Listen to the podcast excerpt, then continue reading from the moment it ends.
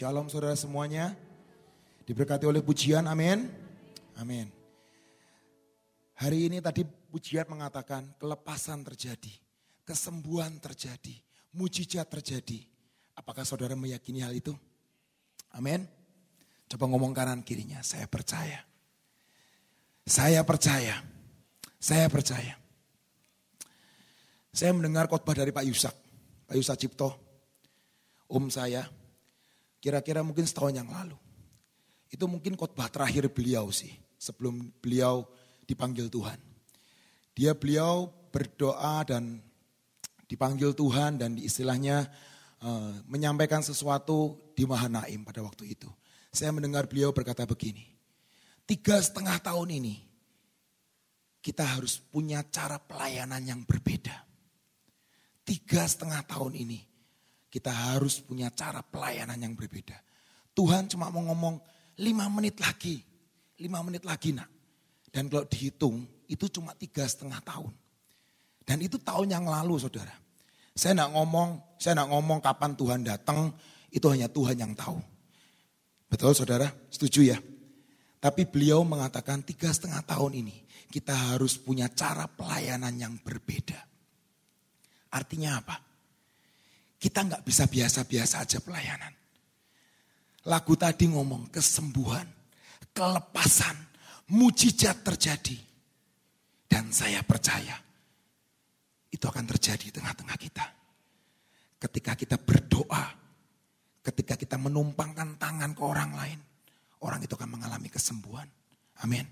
Setiap penari, kalian lagi menari, ada orang yang sakit datang, kalian menari, mungkin kena angin dari rok kalian. Saat itu juga kesembuhan terjadi. Amin. Ketika firman ini dinyatakan di tempat ini, ada kelepasan terjadi. Yang berbeban berat pulang mendapatkan jawaban dari Tuhan. Amin. Yang mengalami masalah keluarga pulang dari tempat ini, dia mendapatkan kebahagiaan dalam keluarganya. Amin yang mengalami masalah ekonomi, dia pulang dari tempat ini, dia mendapatkan kemuliaan dan jaminan dari Tuhan. Kelimpahan. Amin. Itu yang kita rindukan hari-hari ini. Amin. Masa yang namanya glorious time. Yang masa yang dinamakan lawatan tuayan. Saudara kalau saya boleh ngomong, jujur. Kita sering kali ngomong lawatan tuayan. Tapi sering kali kita mengkotakkan hal itu dalam hal rohani. Dalam hal di gereja saja lawatan, tuayan. Percayalah, Tuhan itu pengen kita menikmati yang namanya lawatan tuayan jasmani dan rohani. Amin. Di dalam keluarga kita, di dalam hidup kita, di dalam bisnis kita, di dalam keuangan kita, di dalam aspek kehidupan kita apa pun. Amin. Kita ini dipilih loh Kemarin minggu kemarin Ibu Iin ngomong, kita ini the chosen one. Amin. Betul? Artinya apa sih the chosen one? Hah? Yang dipilih, betul? Yang dipilih.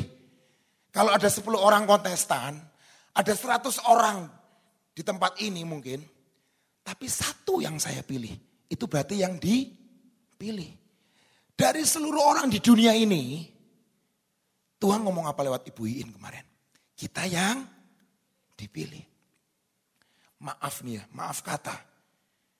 Kalau saya boleh ngomong jujur, kalau boleh ngomong apa adanya. Saya pernah ngomong, Bu Iin pun pernah ngomong seperti ini. Kalau misalnya ada kucing di jalan, temu-temu datang ke Gracia, terus kucing itu bisa khotbah, bisa ngomong firman Tuhan, Kira-kira apa yang terjadi? Masuk TV, betul?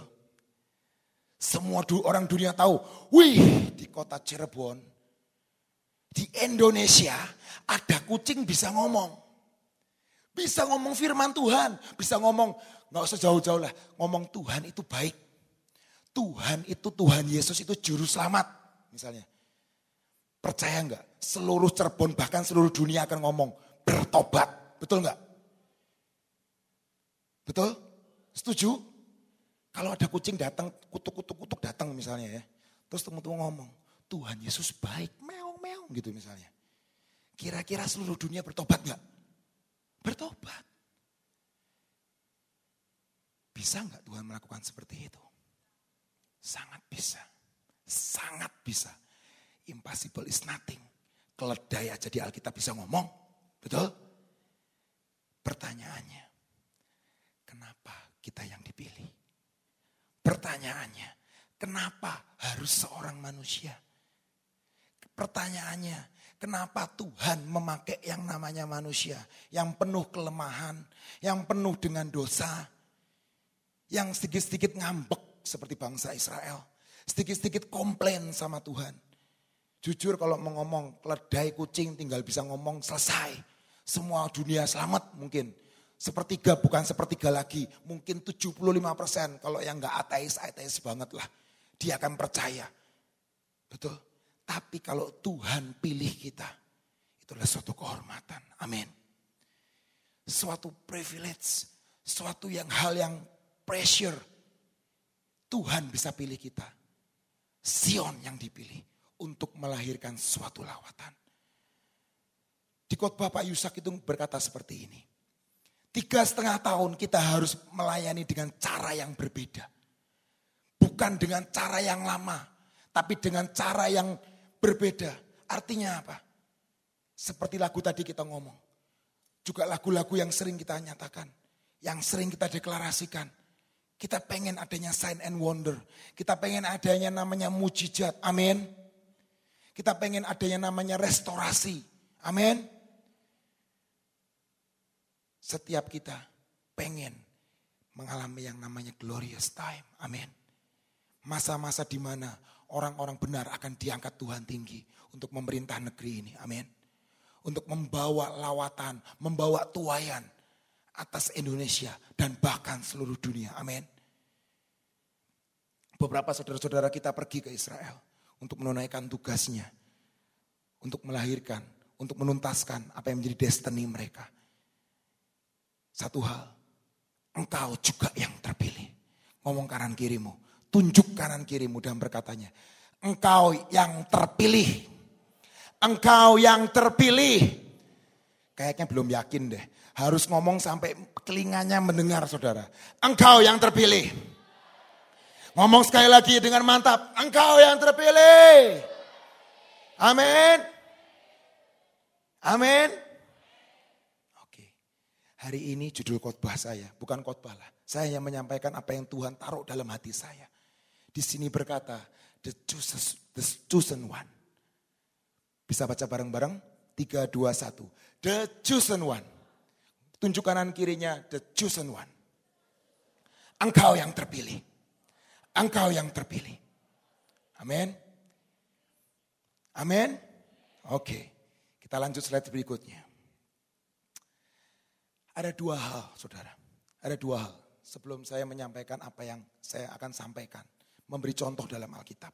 Contoh orang-orang yang dipilih sama Tuhan. Dan bagaimana mereka berhasil, mereka mendapatkan yang namanya glorious time. Dan ada beberapa dari mereka yang juga mengalami kegagalan. Di sini ngomong ada seorang penulis besar di Amerika berkata, Two most important day in your life are the day you are born and the day you find out way. Satu. Di sini semua tahu nggak sih hari kelahirannya? Pasti tahu. Kadangkala orang suami istri lupa sama tahun kelahiran istrinya itu jadi masalah besar. Saya pernah ngalamin saudara. Beberapa tahun yang lalu di pernikahan saya kedua atau tahun ketiga saya lupa Bukan lupa sebenarnya. Hari itu saya lupa. Dari kemarin-kemarin saya sudah siapin kado buat istri saya. Tapi pas hari hanya saya itu bisa makpleng lupa. Bisa plus lah, hilang lah, lupa lah. Jadi saya biasa berangkat kerja biasa. Dan pulang-pulang sedikit cemburut. Istri saya ada di situ. Sedikit cemburut. Kamu lupa kan? Waduh lupa apa ya? Karena saya jujur, saya sering pelupa. Kadang kadang kala saya sering tulis janji-janji saya hari itu di handphone saya. Karena jujur saya adalah seorang yang pelupa. Intinya apa? Kalau kita bisa ngerti tanggal lahir kita. Tanggal lahir kita itu penting gak sih? Penting nggak sih? Kalau nggak penting nggak apa-apa sih. Penting nggak? Penting banget. Kalau nggak ada hari itu nggak lahir loh, betul? Seringkali orang ngomong akte lahir. Di situ ada tanggal apa? Tanggal lahir. Maaf kata, kalau udah mungkin udah tua-tua banget. Saya pernah datang ke tempat uh, rumah jompo. Oma umurnya berapa? Atau engkong umurnya berapa waktu itu saya tanya. Dia ngomong, cuk saya lupa sama umur saya. Itu benar kejadian. Dan saya nanya lagi, Oma lahir tahun berapa? Lah itu juga cu. Lebih-lebih lagi, lupa. Betul? Tapi kalau orang yang sadar, orang yang masih jadi teruna-teruna Tuhan, tidak akan pernah menua. Amin.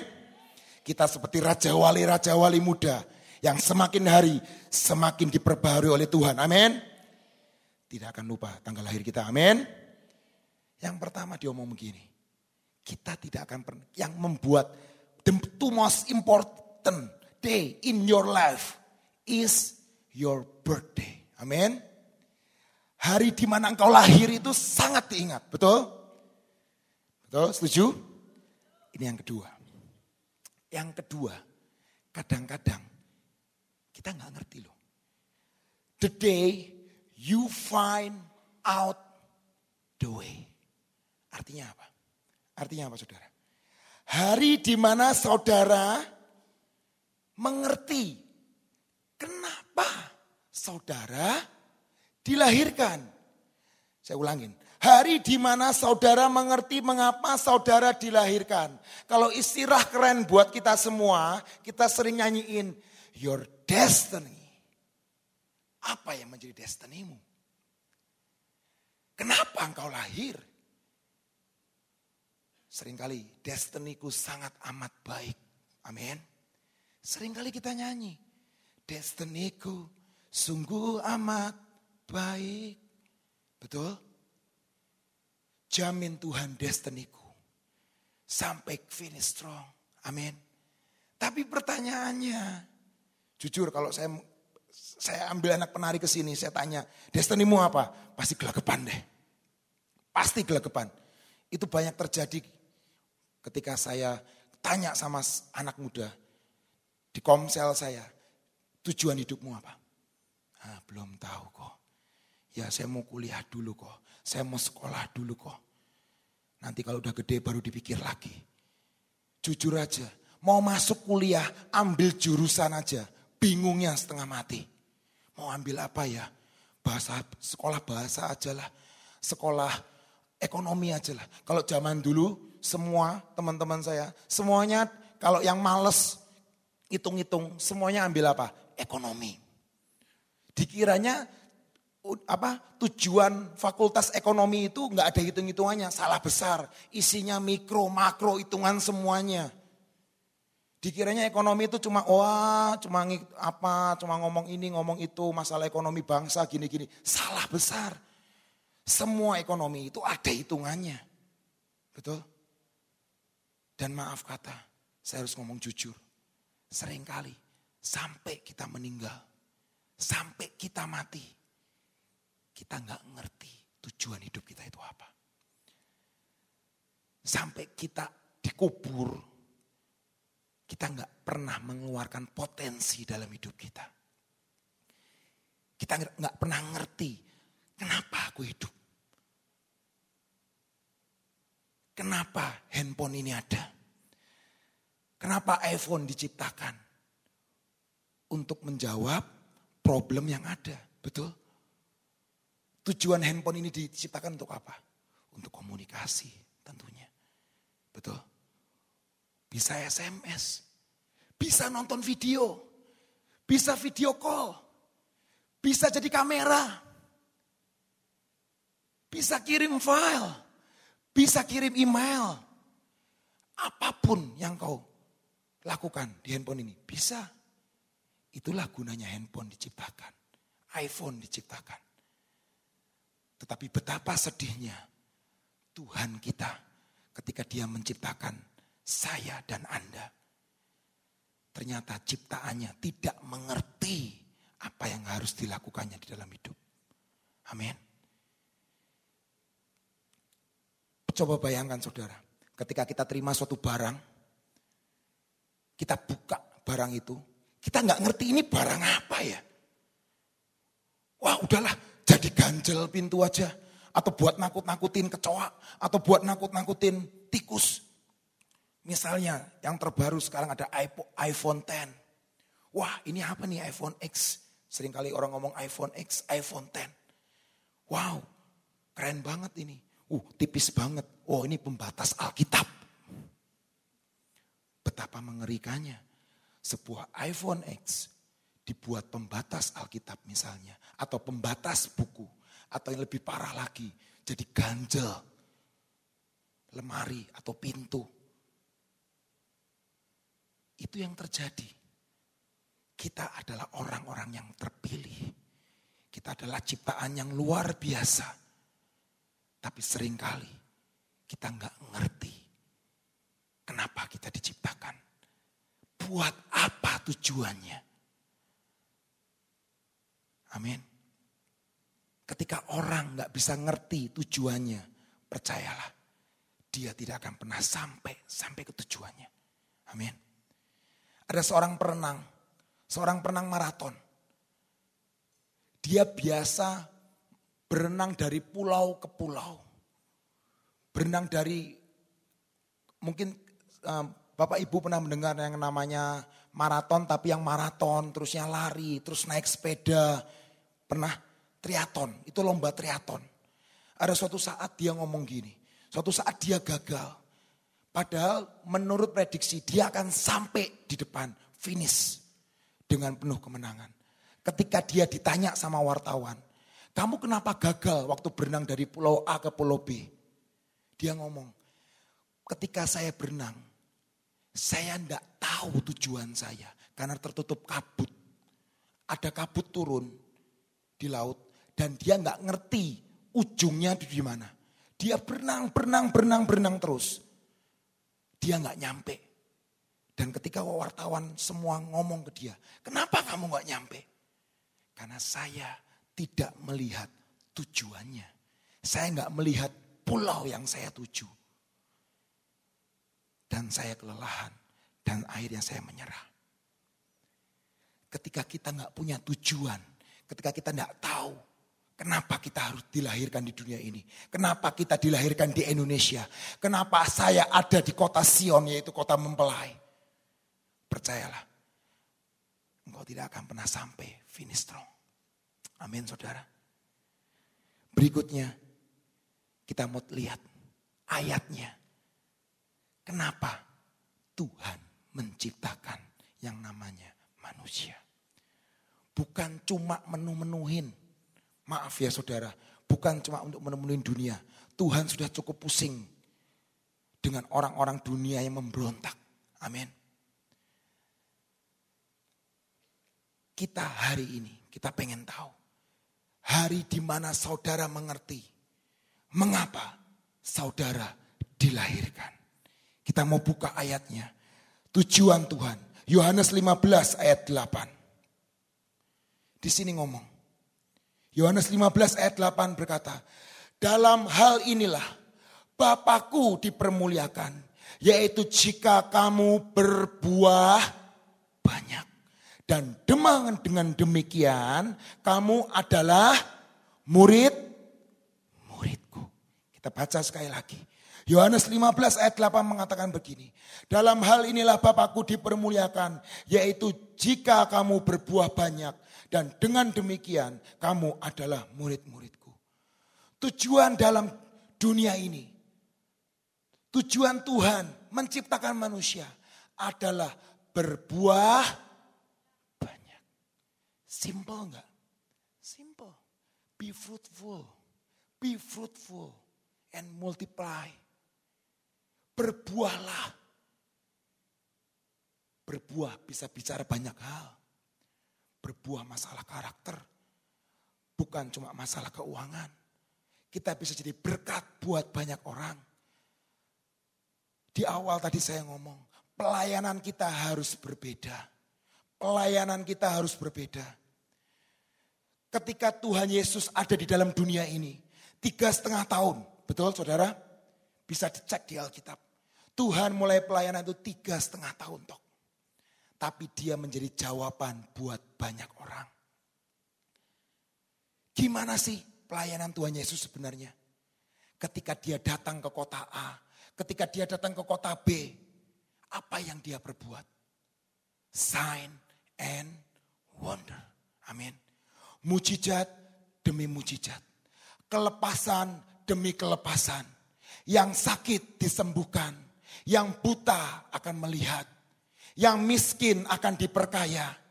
Yang sakit, yang lumpuh akan berjalan. Amin.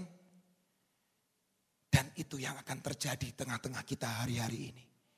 Ketika kita melahirkan lawatan, ketika kita melahirkan sesuatu yang namanya generasi Yoel, dibangkitkan suatu generasi yang tidak terhentikan. Inilah waktunya kita berbuah buat sesama kita dan buat dunia di luar. Amin. Melalui pekerjaan kita, melalui pelayanan kita, melalui apa pun yang kita lakukan, berbuah dan buahnya itu adalah buah yang matang. Amin. Bukan buah yang asam. Bukan buah yang pahit. Tapi buah yang manis. Amin. Buah yang bisa dinikmati orang banyak. Itu yang Tuhan pengen. Ketika Tuhan menjanjikan yang namanya glorious time. Ketika Tuhan menjanjikan yang namanya berjalan di dalam sign and wonder. Itu bukan cuma buat diri kita sendiri. Tapi buat orang di luar kita. Amin. Buat sesama kita. Buat keluarga kita. Buat anak kita. Buat istri kita jadi berkat. Buat anak-anak kita jadi berkat. Buat karyawan kita jadi berkat. Amin saudara. Itu yang Tuhan inginkan. Kita berbuah banyak. Dan dengan demikian kamu adalah murid-muridku. Setiap kita punya destiny, tujuan yang ilahi, tujuan yang awal, yaitu apa? Berbuah, berbuah, be fruitful, berbuah. Kita mau ngomong ke kanan kiri, coba ngomong kanan kirinya, berbuah. Tepuk, berbuah, berbuah. Amin, amin. Di awal tadi kita, saya mau ngomong, you are the the chosen one. Engkau adalah orang yang terpilih. You are the chosen one. Amin. Ah, enggak, enggak, enggak, look. Enggak pak, saya bukan the chosen one. Sekolah saya waktu dulu bodoh. Ranking kagak pernah. Kerjaan juga, aduh sering gagal, sering gagal terus. Saya bukan the chosen one. Saya orang yang terakhir. Seringkali kalau kumpul-kumpul saya nggak diajak ngomong. Saya nggak dianggap sama saudara-saudara saya. Apalagi bapak saya, saya paling benci sama bapak saya. Karena bapak saya nggak pernah menghargai saya. Saya sekolah nggak pinter. Tapi hari ini saya mau ada berita baik dari surga. Engkau adalah orang yang terpilih. Ngomong sama dirimu, saya adalah orang yang terpilih. Saya adalah orang yang terpilih. Saya mau kasih tahu. Daud adalah orang yang terpilih. Amin. Daud adalah orang yang terpilih. Dan dia sadar akan dirinya. Dia siapa? Tahu dirinya itu siapa. Mau bukti? Kita mau baca. Di Mazmur 139 ayat 13. Mohon ditampilkan. Mazmur 139 Mazmur 139 ayat 13 dan 14. Di sini berkata, Mazmur 139 ayat 13. Bisa ditampilkan ayatnya? Kita mau baca bareng-bareng saudara. Ini sangat penting saudara. Ketika kita mendengar kita adalah orang yang terpilih. Terpilih dari apa? Memang benar. Memang benar. 139. 139 ayat 13. Gembala kita Ibu Nani mengatakan ini adalah kota mempelai. Sampai kemarin waktu Ibu Iin datang lewat Jati Barang, di situ ngomong kota penganten, betul? Sampai pemerintah pun mengakui. Benar, kota ini adalah kota yang dipilih Tuhan. Kota yang menjadi kota keintiman. Kota yang dipilih untuk melahirkan suatu lawatan. Benar, amin. Dan saya percayakan hal itu. Tapi terlebih daripada itu, saya pengen menggugah hati setiap saudara. Kalau saudara itu adalah orang yang dipilih, amin.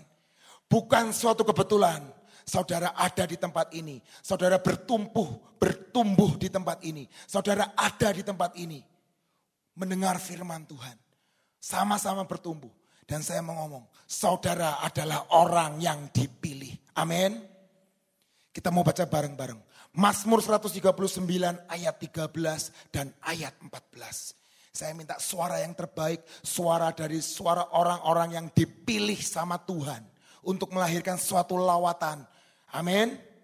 Kita mau baca. Satu, dua, tiga. Sebab engkaulah yang membentuk buah pinggangku. Menenun aku dalam kandungan ibuku. Ayat selanjutnya. Aku bersyukur kepadamu oleh karena kejadianku dahsyat dan ajaib. Ajaib apa yang kau buat dan jiwaku benar menyadar, benar menyadarinya. Sekali lagi kita mau baca sampai iman kita bangkit. Ayat 13. 3, 2, 1. Sebab engkaulah yang membentuk buah pinggangku, menenun aku dalam kandungan ibuku. Aku bersyukur kepadamu oleh karena kejadianku dahsyat dan ajaib. Ajaib apa yang kau buat. Dan jiwaku benar-benar menyadarinya. Setiap kita adalah dikandung dalam kemenangan. Katakan amin. You are the champion. Amin. Maaf kata, ini saya mau ngomong tentang biologis. Pak Agung pernah ngomong. Pak Agung juga pernah ngomong pada waktu pembuahan terbentuk. Saya mau ngomong biologis. Ini bukan ngomong jorok tapi ini ngomong biologis. Yang sampai kepada indung telur itu cuma berapa? Eh? Cuma berapa? Dua, tiga, empat. Cuma berapa?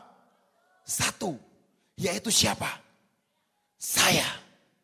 Amin. Engkau dikandung di dalam kemenangan. Amin. Engkau mengalahkan ribuan bahkan jutaan. Amin.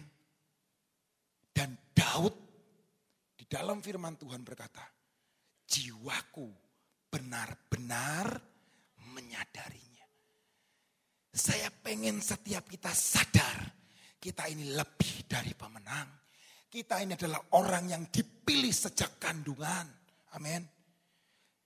Dan kita ini bukan barang tiruan, atau maaf kata barang cungkwok, atau barang imitasi, atau barang jang, barang sampah. Kita ini adalah generasi pemenang. Amin. Generasi akan menaklukkan dunia. Generasi yang tidak terhentikan. Generasi gada besi. Amin. Yang akan jadi penguasa-penguasa atas kota ini. Amin. Inilah destiny kita. Inilah yang Tuhan pengen dalam hidup kita. Yang penting sekarang, jiwamu, jiwa, hai jiwa, sadar kalau engkau adalah orang yang terpilih. Amin. Amin. Saya minta tunjukkan gambar berikutnya.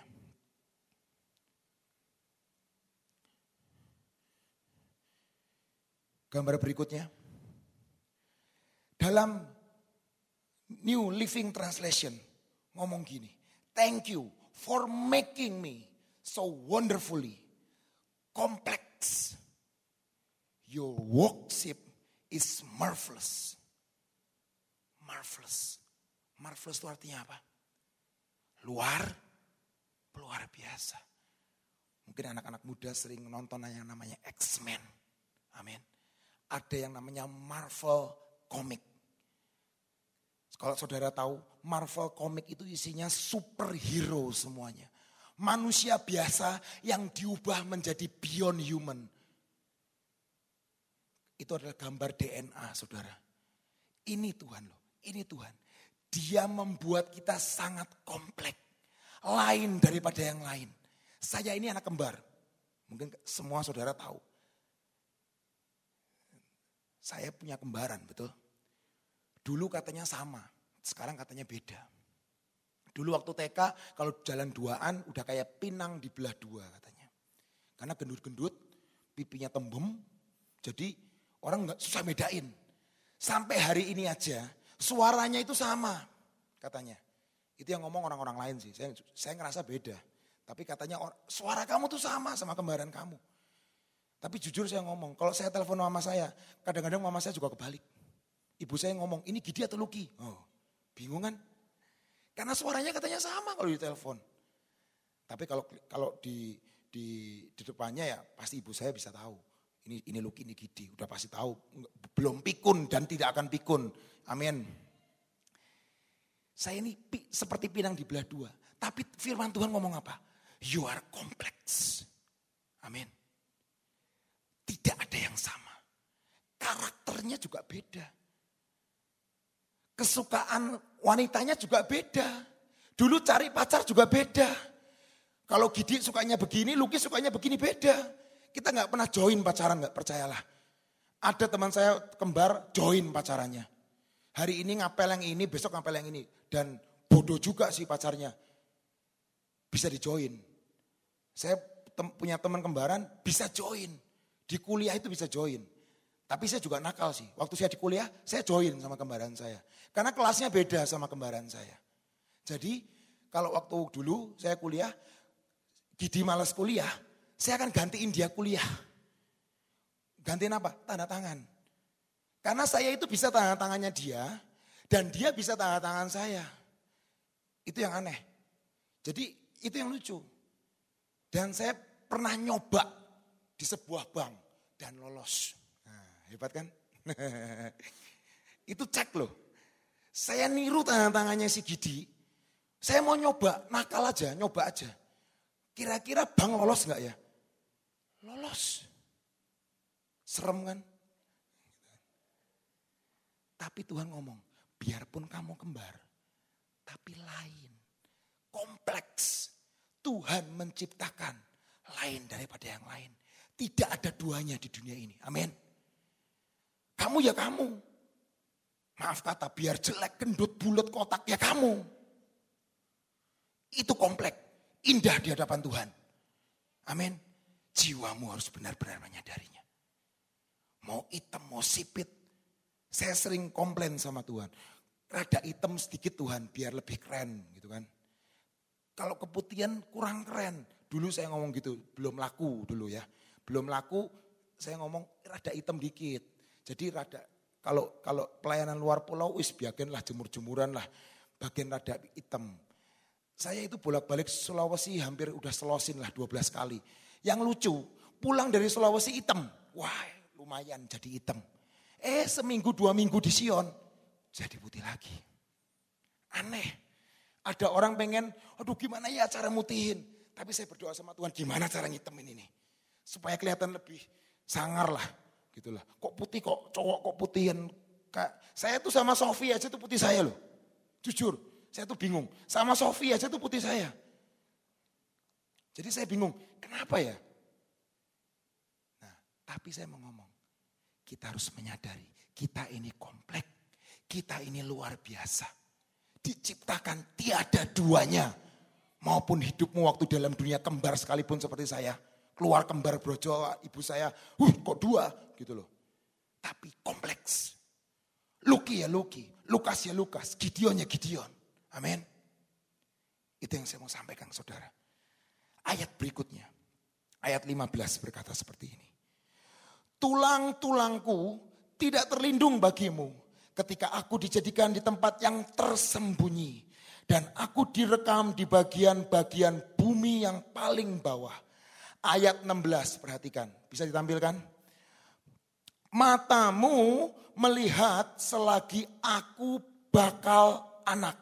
Dan dalam kitabmu semuanya tertulis hari-hari yang akan dibentuk sebelum ada satupun daripadanya. Ayat 16 saya mau baca ulang buat saudara. Mata Tuhan melihat selagi aku bakal anak.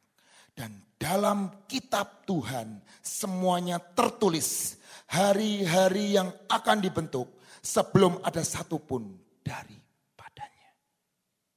Amazing. Amazing.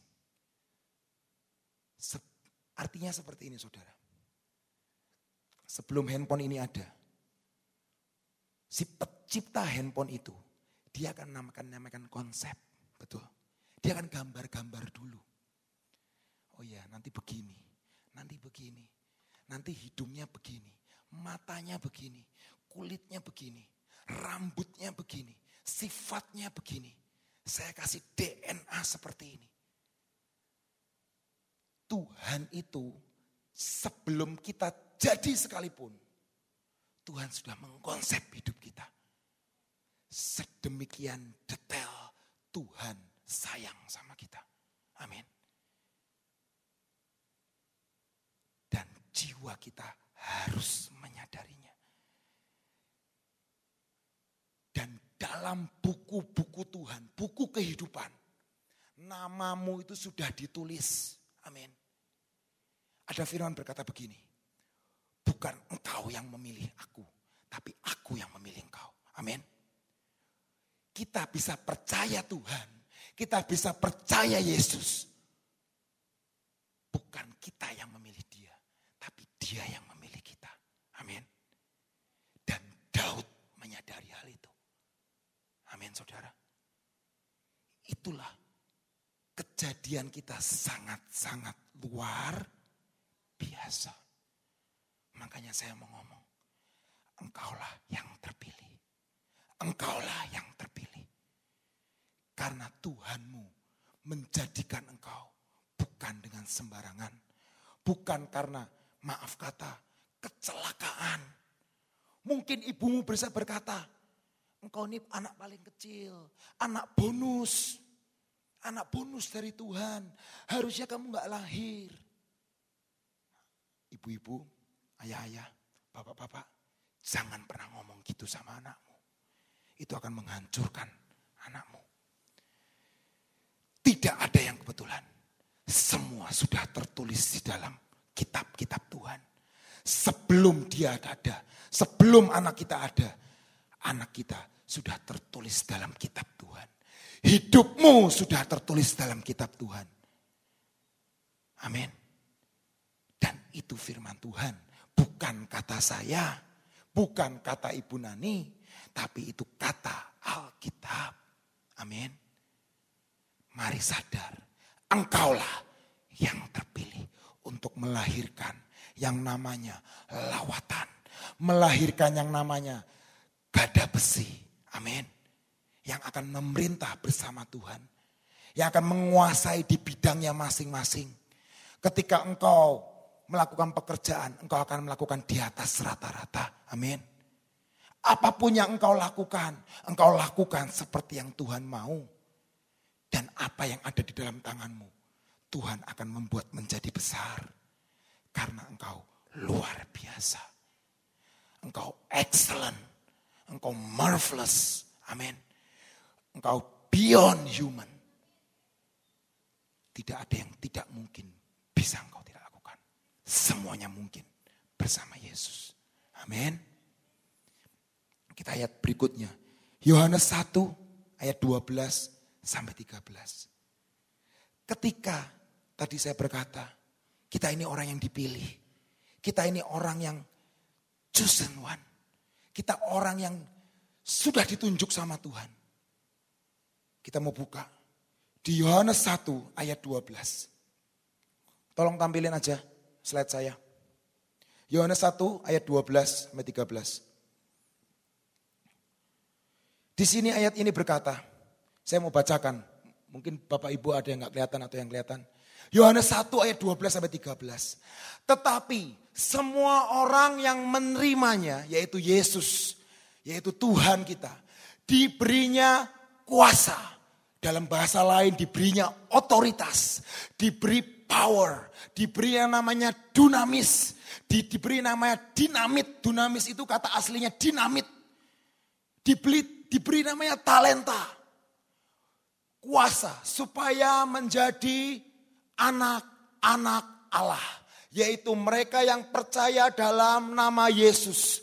Orang-orang yang diperanakan bukan dari darah atau dari daging, bukan pula secara jasmani oleh keinginan seorang laki-laki, melainkan dari Allah. Ketika kita sadar, jiwa kita sadar, kita adalah orang yang terpilih. Dan ketika kita mengaku, in the name of Jesus, saya menerima Yesus sebagai juru selamat. Saya mengaku Yesus sebagai Raja dan Tuhan dalam hidupku. Ternyata sadar tidak sadar, kita itu menerima yang namanya kuasa. Bahasa Indonesia ngomong kuasa. Bahasa Inggris ngomong namanya otoritas. Yang namanya power. Yang namanya dunamis. Dinamit. Firman Tuhan ngomong apa? Apa yang kamu katakan di dalam nama Tuhan Yesus. Itu akan terjadi. Amin. Karena lidah kita adalah seperti perkataan, seperti tulisan juru tulis. Betul. Daud berkata seperti itu. Ketika kita ngomong, melontarkan sesuatu. Artinya apa? Itu bisa jadi loh. Hati-hati. Karena kuasa dari perkataan, kuasa dari perbuatan. Itu akan membuat kita akan semakin naik dan semakin naik atau semakin turun. Amin. Hati-hati dengan perkataan kita. Di sini kita ngomong, setelah kita menjadi seorang yang terpilih, ketika kita menerima Yesus, kita menerima diberinya kuasa, kita bisa menjadi yang namanya hero. Menjadi pahlawan-pahlawannya Tuhan. Makanya sering kali kita nyanyi.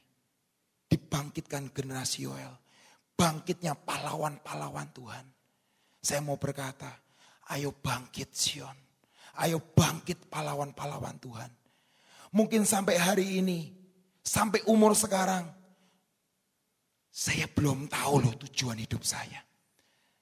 Hari ini saya berkata, tujuan hidupmu adalah berbuah dan berbuah dan berbuah buat Kristus dan buahnya itu matang dan bisa dinikmati orang banyak.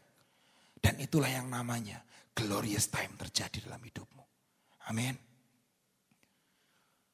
Saya akan berusaha untuk menyampaikan ini dengan gamblang. Dan Alkitab sudah menyampaikan dengan gamblang. Tapi sering kali kita belum mengerti. Ada satu tokoh di Alkitab. Hari ini saya akan bawa dua tokoh. Yang pertama mungkin gak populer di antara orang Kristen atau di antara sering dikotbahin mungkin gak terlalu populer. Karena dia gak mencapai garis akhir dengan finish strong. Amin. Dia yang bernama satu raja pertama Israel. Mungkin Bapak Ibu tahu, mungkin teman-teman juga penari tahu. Raja pertama Israel siapa? Oh dia ngomong Daud lagi. Siapa? Saul. Saul ini sangat luar biasa loh. Dia adalah orang yang dipilih Tuhan. Pertama, he is the chosen one. Saul adalah orang yang dipilih Tuhan. Amin. Slide berikutnya. Kita bisa lihat Saul diurapi menjadi raja oleh Samuel. Kita mau baca pelan-pelan ya saudara. Saya ingin menjelaskan kepada saudara semua. Bagaimana kita bisa mencapai tujuan yang Tuhan inginkan dalam hidup kita. Mungkin sering kali kita kita berkata berbuah. Atau hamba Tuhan sering berkata, ya berbuah, harus berbuah. Mencapai destiny, seperti saya tadi saya ngomong. Harus berbuah, tujuannya begini, harus begini. Tapi gimana caranya? Gimana caranya kita sampai untuk berbuah? Gimana caranya kita sampai untuk mencapai apa yang Tuhan mau? Kita mau baca pelan-pelan. Dari 1 Samuel 9. 1 Samuel 9 ayat 1 sampai 24. hari ini banyak baca Alkitab.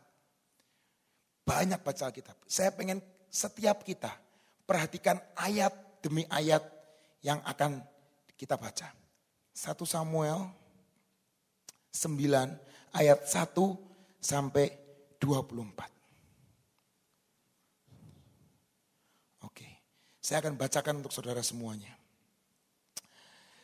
Uh, Alkitab Bahasa Indonesia mengatakan memberi judul Saul diurapi menjadi raja. Ayat 1. Ada seorang dari daerah Benyamin namanya Kis bin Abiel bin Zeror bin Bekhorat bin Afiah seorang suku Benyamin, seorang yang berada. Di sini ngomong seorang yang berada, seorang yang berkecukupan jasmani rohani. Wong sugi lah, wong jadi wong Cirebon mah. Wong sugi, wah duitnya akeh. Ayat 2. Orang ini ada anaknya laki-laki. Namanya Saul. Seorang yang muda, yang elok rupanya, tidak ada seorang pun dari antara orang Israel yang lebih elok daripadanya. Dari bahu ke atas ia lebih tinggi daripada setiap orang sebangsanya. Foto model, Cila. Kis ayah Saul kehilangan keledai-keledai betinanya. Saya ulang. Kis ayahnya Saul kehilangan keledai-keledainya betinanya. Sebab itu ia berkata kepada Berkatalah Kis kepada Saul anaknya, ambillah salah seorang bujang, bersiaplah dan pergilah mencari keledai-keledai itu. Lalu mereka berjalan melalui pegunungan Efraim, juga mereka berjalan melalui tanah Salisa, tetapi tidak menemuinya. Kemudian mereka berjalan melalui tanah Sahalim, tetapi keledai-keledai itu tidak ada. Kemudian mereka berjalan melalui tanah Benyamin, tetapi tidak menemuinya. Ketika mereka sampai ke tanah Zuf, Berkatalah Saul kepada bujangnya yang bersama-sama dengan dia. Mari pulang, nanti ayahku tidak lagi memikirkan keledai-keledai itu. Tetapi khawatir mengenai kita. Ini anak yang how. Kalau orang Chinese ngomong anak yang top. Dia nggak mikir lagi keledai-keledainya, tapi dia mikir ayahnya. Dia ngomong gini, nanti kalau kita ini nggak pulang-pulang, ayah ini berpikir kita yang hilang. Udah kehilangan keledai, nanti kehilangan saya anaknya. Dia ini anak yang berbakti. Dia mikirin ayahnya. Nanti ayahnya pasti akan merasa kehilangan. Kok ini anaknya nggak balik-balik? Sudah muter-muter sampai sore mungkin sampai malam kok nggak balik-balik. Betul? Di sini ngomong, tetapi orang ini berkata kepadanya, ayat 6, tunggu di kota ini ada seorang abdi Allah. Seorang yang terhormat, segala yang dikatakannya pasti terjadi. Marilah kita pergi ke sana sekarang juga. Mungkin ia dapat memberitahukan kepada kita tentang perjalanan yang kita tempuh ini. Jawab Saul kepada bujangnya itu. Tetapi kalau kita pergi, apakah yang kita bawa kepada orang itu? Sebab roti di kantong kita telah habis dan tidak ada pemberian untuk dibawa kepada abdi Allah itu.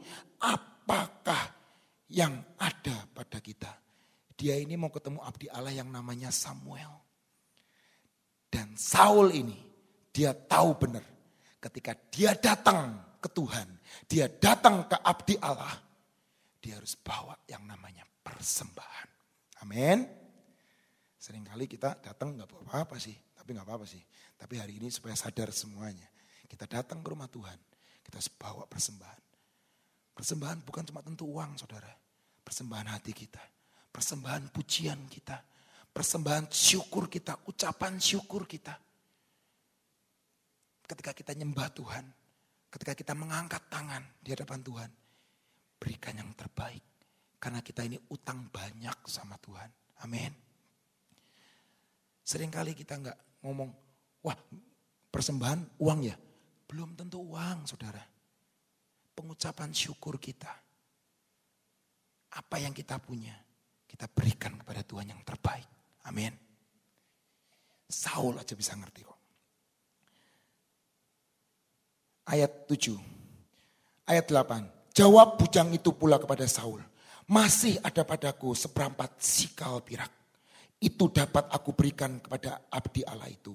Maka ia akan memberitahukan kepada kita tentang perjalanan kita. Saya rasa ini profetik banget saudara. Amin. Dahulu ayat 9. Di antara orang Israel, apabila seseorang pergi menanyakan petunjuk Allah, ia berkata begini, mari kita pergi kepada pelihat, sebab nabi yang sekarang ini disebutkan, dahulu pelihat namanya. Kemudian berkatalah Saul kepada bujangnya itu, pikirmu itu, pikiranmu itu baik, mari kita pergi, maka pergilah mereka ke kota itu, ke tempat abdi Allah itu. Ayat 11 ketika mereka naik jalan pendakian ke kota itu. Mereka bertemu dengan gadis-gadis yang keluar hendak menimba air. Mereka bertanya kepada gadis itu, pelihat ada di sini? Jawab gadis-gadis itu kepada mereka, ya ada, baru saja ia mendahului kamu. Cepat-cepatlah sekarang, ia datang ke kota hari ini. Karena ada perjamuan korban untuk orang banyak di bukit pada hari ini. Ayat 13, apabila kamu masuk ke kota, kamu akan segera menjumpainya sebelum ia naik ke bukit untuk makan. Sebab orang banyak tidak akan makan sebelum ia datang. Karena dialah yang memberkati korban, kemudian barulah para undangan makan. Pergilah sekarang, sebab kamu akan menjumpainya dengan segera. Ayat 14, maka naiklah mereka ke kota, dan ketika mereka masuk kota, Samuel yang berjalan keluar untuk naik ke bukit, berpapasan dengan mereka. Saya rasa Alkitab ini Korea banget sih. Karena berpapasan. Jadi nggak cuma di serial drama Korea teman-teman. Ini berpapasan Samuel sama Saul itu tak. Uh, gitu. Ini yang saya mau ngomong. Ayat 15. Tetapi Tuhan telah menyatakan kepada Samuel. Saya baca ulang ya. Tetapi Tuhan telah menyatakan kepada Samuel sehari sebelum kedatangan Saul. Demikian. Firman Tuhan sehari sebelumnya. Bisa ngerti saudara? Sehari sebelumnya Samuel belum ketemu Saul, belum ketemu gimana itu muka Saul seperti apa, cakep, ganteng atau jelek, nggak ngerti tinggi atau pendek, nggak ngerti, gendut atau kurus, nggak ngerti. Tapi Tuhan ngomong gini temu-temu. Besok, kira-kira waktu ini, aku akan menyuruh kepadamu, jadi Tuhan akan menyuruh kepadamu seorang laki-laki dari tanah Benyamin, engkau Samuel akan mengurapi dia menjadi raja atas umatku Israel. Dan ia akan menyelamatkan umatku dari tangan orang Filistin sebab aku telah memperhatikan sengsara umatku itu. Karena teriakannya telah sampai kepadaku. Ayat 17, ketika Samuel melihat Saul, maka berfirmanlah Tuhan kepadanya. Ini loh, inilah orang yang kusebutkan kepadamu ini loh orang yang kupilih, yang kusebutkan kepadamu kemarin. Orang ini akan memegang tampuk pemerintahan atas umatku. Ini saya rasa keren banget Tuhan itu. Tuhan itu keren banget. Amin. Ketika Saul keluar dari rumah ayahnya, yang dalam pikiran Saul apa? Hah? Diurapi jadi raja? Tidak teman. Ketika Saul keluar dari rumah, yang dalam pikirannya, keledai atau kambing harus ketemu. Kalau enggak, bapak gua rugi nih. Rugi nih, rugi nih saya nih. Keledai-keledai, itu sangat mahal harganya. Rugi. Dan apa yang terjadi? Selama beberapa hari Saul nggak ketemu keledainya. Betul? Saul nggak ketemu keledainya. Ayat selanjutnya. Dalam pada Saul datang mendekati Samuel di tengah pintu gerbang dan berkata, maaf di mana rumah pelihat itu? Saul nggak tahu kalau itu Samuel.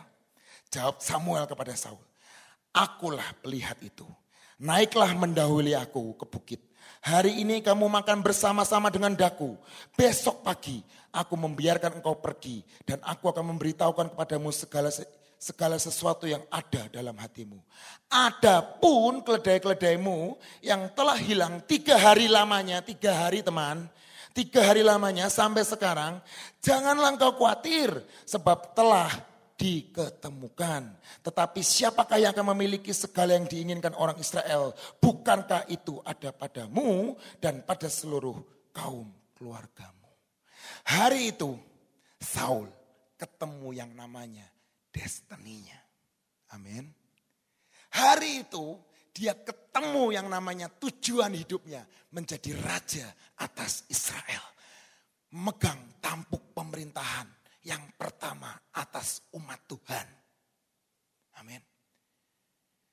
Saya mengajak kita semua untuk coba kita tiga hari sebelumnya. Dia keluar dari rumah, dia kehilangan keledainya. Hari ini, apa yang hilang dalam hidupmu? Hari ini apa yang mungkin dunia katakan hilang, gagal, rusak buat anak muda mungkin kehilangan gebetan kok. Kehilangan pacar kok. Mungkin. Kehilangan pekerjaan. Kehilangan yang namanya cinta. Kehilangan yang namanya sesuatu yang didambakan. Mungkin orang dunia ngomong itu kegagalan. Mungkin skenario dunia ngomong itu gagal. Itu fail. Itu hina.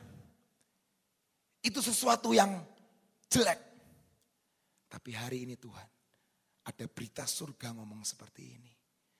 Saul, dia dapat yang namanya destininya ketika dia melangkah bersama Tuhan. Coba bujangnya, tadi kita lihat. Saya pengen setiap kita juga baca kitab Saul ini semuanya. Saya nggak membahas bagaimana akhir hidupnya. Itu adalah pembahasan yang lain. Tapi hari ini saya mau ngomong pada setiap saudara semuanya. Saul mendapatkan tujuan hidupnya ketika dia mengalami yang namanya kehilangan keledai.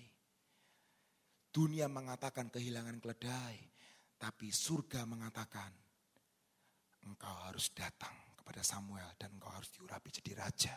Amin. Itulah cara Tuhan dalam hidup kita. Amin. Mungkin hari ini kita mengalami hal yang gak enak. Kegagalan. Ketidakharmonisan. Apa yang kita impikan belum tercapai. Kita merasa gagal. Kita merasa tidak bisa apa-apa. Kita mengalami yang namanya sudah tidak ada harapan. Tapi hari ini saya mau ngomong ada berita surga mengatakan Hei, no, no. Bukan. Bukan berita kegagalan. Tapi itu Tuhan yang mereka-reka. Tuhan yang bikin skenario. Tuhan yang bikin segala sesuatunya indah pada waktunya. Amin. 18 tahun yang lalu saya putus kuliah. 18 tahun yang lalu saya putus kuliah. Nggak ada biaya untuk melanjutkan juga. Dan saya harus tinggal di kota ini. Stay pulang kampung saya harus belajar yang namanya didikan.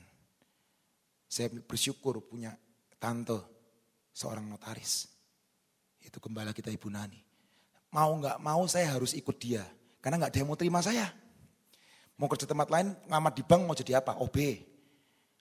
Supir. Supir, waktu itu saya belum bisa nyupir. Belum bisa nyupir.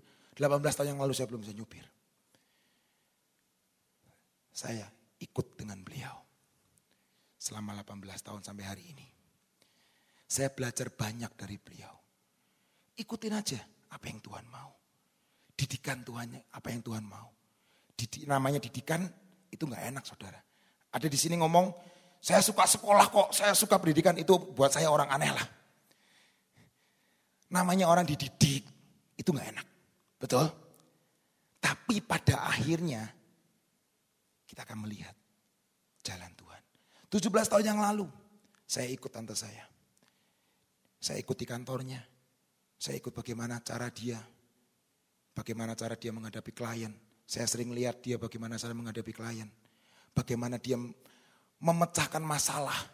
Ketika tidak ada seorang pun yang bisa memecahkan masalah. Dan saya memperhatikan beliau bisa memecahkan masalah. Bagaimana beliau melobi orang. Bagaimana beliau berbicara dengan orang lain. Saya memperhatikan beliau. Dan itu proses buat hidup saya. Rasanya 17 tahun yang lalu saya kehilangan semuanya. Saya kehilangan sekolah saya, saya kehilangan titel saya. Tapi ujungnya kita belum tahu. Tuhan merancangkan mereka-reka untuk kebaikan kita semua. Hari ini saya sampai saya juga lucu sama hidup saya. Hari ini saya ngobrol sama orang. Saya ngobrol, cuma ngobrol sama orang. Dia ngomong saya, Bapak sarjana hukum ya? Boro-boro sarjana hukum. Saya memang pernah kuliah hukum, tapi cuma 4 semester. Bapak sarjana hukum ya? Oh bukan, saya bukan sarjana hukum. Kok omongannya seperti sarjana hukum? Lah, bingung kan? Saya mau ngomong, ya itu hasilnya mungkin 17 tahun. Mungkin dia nggak nggak tiap hari ke kantor tumpangin tangan saya enggak. Luk sini luk tumpangin tangan. Enggak. Tapi hari ini 17 tahun pendidikan saya itu enggak gampang saudara. Dalam suka dan duka yang namanya orang dididik nggak enak. Tapi hasilnya saya bisa mandiri. Saya bisa menghasilkan sesuatu yang baik. Saya bisa melakukan hal-hal yang mungkin dulu saya nggak pernah ngomong, nggak pernah terpikirkan dalam hidup saya. Tuhan nyatakan dalam hidup saya. Itu pelatihan yang Tuhan inginkan.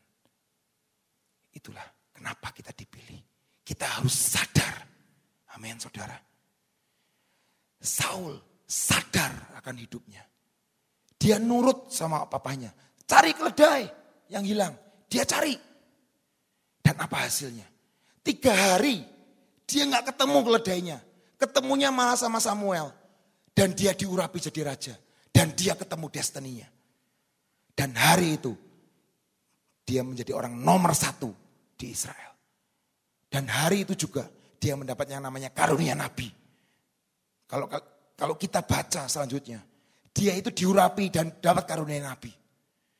Dan hidupnya, apa yang dia katakan jadi. Amin. Itu Saul. Dan itu juga saya pengen kita semua mengalami yang namanya rancangan Tuhan sama rancangan manusia ini mungkin gak sinkron. Tapi ketika kita melangkah bersama Tuhan. Hari ini kita melihat di depan kita kegagalan. Di hari ini kita melihat kita jelek. Tapi percayalah ketika kita di dalam tracknya Tuhan. Tuhan sanggup mereka-reka yang baik dalam hidup kita. Amin. Tokoh selanjutnya, tokoh yang terakhir. Siapa yang gak kenal yang namanya Yusuf? Amin. Yusuf, dia menjadi orang nomor dua di Israel. Maaf, di Mesir. Amin. Kita bisa tahu bagaimana caranya Yusuf. Dia dibuang ke sumur. Dia berusaha dihancurkan oleh saudara-saudaranya. Kamu ini anak kurang ajar. Berani-beraninya ngomong kalau kita nyembah kamu. Kurang ajar kamu Yusuf. Semua saudara-saudaranya itu benci sama Yusuf. Saudara-saudaranya semua nggak suka sama Yusuf. Dan mau dibunuh. Dan akhir kata dikira saudara-saudaranya. Kita cemplungin ke sumur, kita jual ke orang median, pasti dia mati. Betul? Rencana manusia boleh jadi. Sepertinya jadi. Tapi pada akhirnya kita lihat dia dipenjara, dia dibawa yang namanya istilahnya ke tempat yang jelek sekalipun. Yusuf tetap lebih daripada pemenang. Amin. Dan pada akhirnya saudara-saudaranya beneran nyembah siapa? Nyembah Yusuf. Slide berikutnya coba tampilin. Slide berikutnya. Di kejadian next. Kejadian 50 ayat 20. Ini ayat terakhir saudara. Kita mau baca bareng-bareng ya saudara ya. Kejadian 50 ayat 20. Ini gambar dari Yusuf di penjara. Ketika Yusuf menghadap yang namanya Raja Mesir Firaun. Ketika Yusuf bertemu dengan saudara-saudaranya. Kita lihat Perjalanannya pahit. Perjalanannya pahit. Kalau jadi Yusuf mungkin gak kuat. Tapi hari itu Yusuf ketika dia ketemu sama saudara-saudaranya. Dia bisa ngomong seperti ini. Kejadian 50 ayat 20 berkata gini. Memang kamu telah mereka-rekakan yang jahat terhadap aku. Dunia boleh mereka-rekakan yang jahat. Dunia boleh ngomong kamu gagal. Dunia boleh ngomong kamu ini anak sial. Kamu ini nggak bisa kerja. Kamu ini apa, kamu ini apa. Dunia bisa ngomong apa pun. Tetapi Allah, yaitu Jehovah, telah mereka-rekakannya untuk kebaikan. Dengan maksud melakukan seperti yang terjadi sekarang ini. Yakni memelihara hidup suatu bangsa yang besar. Memang benar bahwa kalian merencanakan yang jahat. Memang benar bahwa dunia merencanakan yang jahat terhadap aku.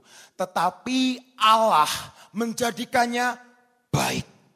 Yaitu supaya Yusuf, yaitu aku dapat melakukan apa yang telah terjadi sekarang ini menyelamatkan hidup banyak orang. Itu adalah plan besar dalam hidup kita. Amin saudara. Hidup kita jadi berkat buat banyak orang. Hidup kita jadi berbuah yang lebat buat banyak orang. Amin. Kita ini adalah orang yang dipilih. Sadar saudara, kita adalah orang yang dipilih. Sejak kandungan ibu kita, kita adalah orang yang dipilih. Amin hari-hari ini tetap berdoa, mengerang dengan kuat supaya lahir lawatan atas kota ini, atas bangsa ini. Kita adalah orang yang dipilih untuk menjadi pembawa lawatan, untuk membawa yang namanya kemuliaan Tuhan. Kita akan menggelar karpet merah untuk kedatangan Tuhan yang kedua kalinya. Amin. Amin. Hari ini mungkin kalian ngomong, saudara-saudara ngomong, ya saya sudah dalam track itu kok. Saya sudah menari, saya sudah menyanyi, saya sudah menyembah, saya sudah doling, saya sudah semuanya. Saya sudah lakukan itu semuanya. Tapi kok saya belum menerimanya. Percayalah, tiba waktunya. Cintailah proses itu. Maka hasilnya akan mengikutinya. Amin. Yang Tuhan taruh dalam hati saya Mungkin ada beberapa dari kita ngomong. Hari ini saya sudah cukup capek. Capek. Pelayanan, pelayanan, pelayanan. Kerja, kerja, kerja lah kalau kata Jokowi lah. Saya mau ngomong saudara. Kita ini ya seperti mobil. Mobil balap lah. Mobil balap F1 misalnya ya. Atau pesawat jet misalnya. Atau pesawat tempur. Itu perlu yang namanya di tune up. Amin. Perlu namanya distabilkan lagi. Kalau mobil baru dari dealer, itu udah di tune up. Sudah sesuai dengan ritmenya. Kalau mesin zaman sekarang itu kan semuanya mesin injection, betul saudara? Itu ada mesinnya. Kalau kita ke dealer mobil, itu mesin akan dicolokin ke komputer. Dan itu kan kelihatan semuanya. Oh mesin ini terlalu ini, oh terlalu rendah, terlalu tinggi, terlalu rendah dibenerin lagi tracknya. Amin. Dan hidup kita, mungkin kita sudah terlalu lelah. Aduh, lu, lu masih muda, lu masih umur 38, masih belum tahu. Saya nih udah umur 60 tahun atau 70 tahun, aduh udahlah capek lah, lu, lu jangan ngomong. Saudara, saya mau ngomong. Hidup kita di dalam Tuhan, kita harus memperbarui hidup kita, amin. Umur kita boleh tua, umur kita boleh semakin bertambah, tapi kerohanian kita harus semakin kuat. Amin. Kita harus di tune up. Gimana cara tune upnya? Tune, connect sama Tuhan kita. Tuhan, aku berbuahnya seperti apa? Aku mau dapat pelayanan seperti apa? Aku ngerjain apa buat kota Sion ini? Apa yang bisa aku lakukan buat kota ini? Apa yang aku bisa lakukan untuk mendukung pemimpinku? Hari-hari ini kita bukan yang kita bikin yang namanya live tree, persekutuan dewasa muda. Kenapa kita pengen ada persekutuan dewasa muda? Kita pengen generasi muda, generasi dewasa muda, kita ingin jadi berkat buat kota ini. Saudara, kalau namanya mesin, itu kalau jalan jauh terus, ngebut terus, lama-lama apa? Capek, ngelokor. Oli mesinnya harus diganti, harus dicun up. Karburatornya harus dibersihin. Saringan udaranya harus dibersihin. Betul? Kalau komputer itu harus di-download ulang, harus yang namanya diinstal ulang, harus di-upgrade. Amin. Kalau enggak, ketinggalan zaman. Amin. Dan itu yang Tuhan mau dalam hidup kita. Upgrade diri kita. Bawa diri kita masuk dalam pergerakan Tuhan. Masuk di dalam apa yang Tuhan mau. Apa yang bisa aku lakukan. Berbuah, berbuah seperti apa. Temukan destinimu. Temukan destinimu. Karena Tuhan berjanji yang besar. Impian Tuhan besar atas dirimu. Setiap kita. Amin. Tuhan tidak pernah punya impian yang kecil atas dirimu. Tuhan punya impian yang besar atas dirimu. Dan apa pun yang kalian pegang, apa yang saudara pegang, itu harus jadi besar. Amin. Harus berdampak. Amin. Itu yang Tuhan mau. Itu yang Tuhan mau. Hari ini, biar sharing hari ini benar-benar menggugah setiap kita menggugah setiap kita. Kalau kita ini adalah orang-orang pilihan Tuhan. Orang-orang yang punya destiny yang sangat mulia. Punya destiny yang sangat besar. Punya destiny yang sangat hebat. Kalau saya boleh ngomong, banyak tokoh-tokoh di Alkitab. Ada yang namanya Esther, ada yang namanya Gideon. Ketika dia mencapai destininya, ketika dia mencapai tujuan hidupnya, ketika dia tahu jalan hidupnya, hidupnya bisa berdampak buat orang lain. Saya nggak ngomong cuma Yesus. Seringkali saya pernah ngomong, Yesus seperti ini, seperti ini. Wah nggak bisa kok, itu Yesus. Yesus itu kan setengah manusia, setengah Tuhan. Dia manusia, dia Tuhan. Oke. Bukan Yesus.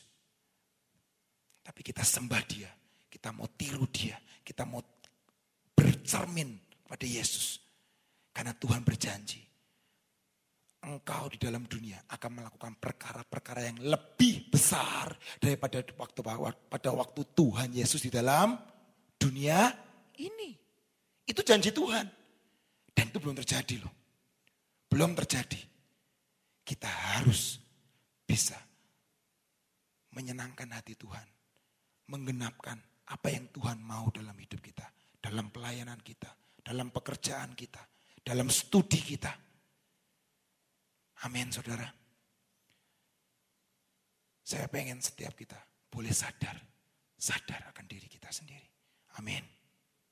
Tune up dirimu. Upgrade dirimu. Supaya hidup kita boleh berdampak. Amin. Saya mengajak setiap kita untuk menyanyi. Jangan biarkan. Kita menyanyi sekali lagi. Ku hidup untuk menyembah. Ku hidup untuk melayani Tuhan. Ku hidup untuk lawatan Tuhan. Ku hidup untuk menyenangkan hati Tuhan. Biar lagu ini menjadi rema dalam hidup kita. Menjadi doa kita. Biar setiap kita ngerti apa yang Tuhan inginkan dalam kehidupan kita. Mengenal hati Tuhan. Janjinya itu ya dan amin. Kalau Saul bisa mendapatkan destininya. Yusuf dalam kesusahan sekalipun, dia tetap berkata, Tuhan, aku tetap mau ikut engkau. Saul mungkin dia tidak bisa mengupgrade dirinya. Dan akhirnya dia jatuh. Tapi hari ini setiap kita, kita pengen jadi Yusuf-Yusuf akhir zaman. Kita jadi mempelai-mempelai akhir zaman. Yang akan melahirkan generasi gada besi. Dan mempelai-mempelai yang berkenan di hadapan Tuhan sampai Tuhan menjemput kita di atas awan-awan dan Tuhan bangga atas hidup kita karena kita melakukan bagian kita. Amin.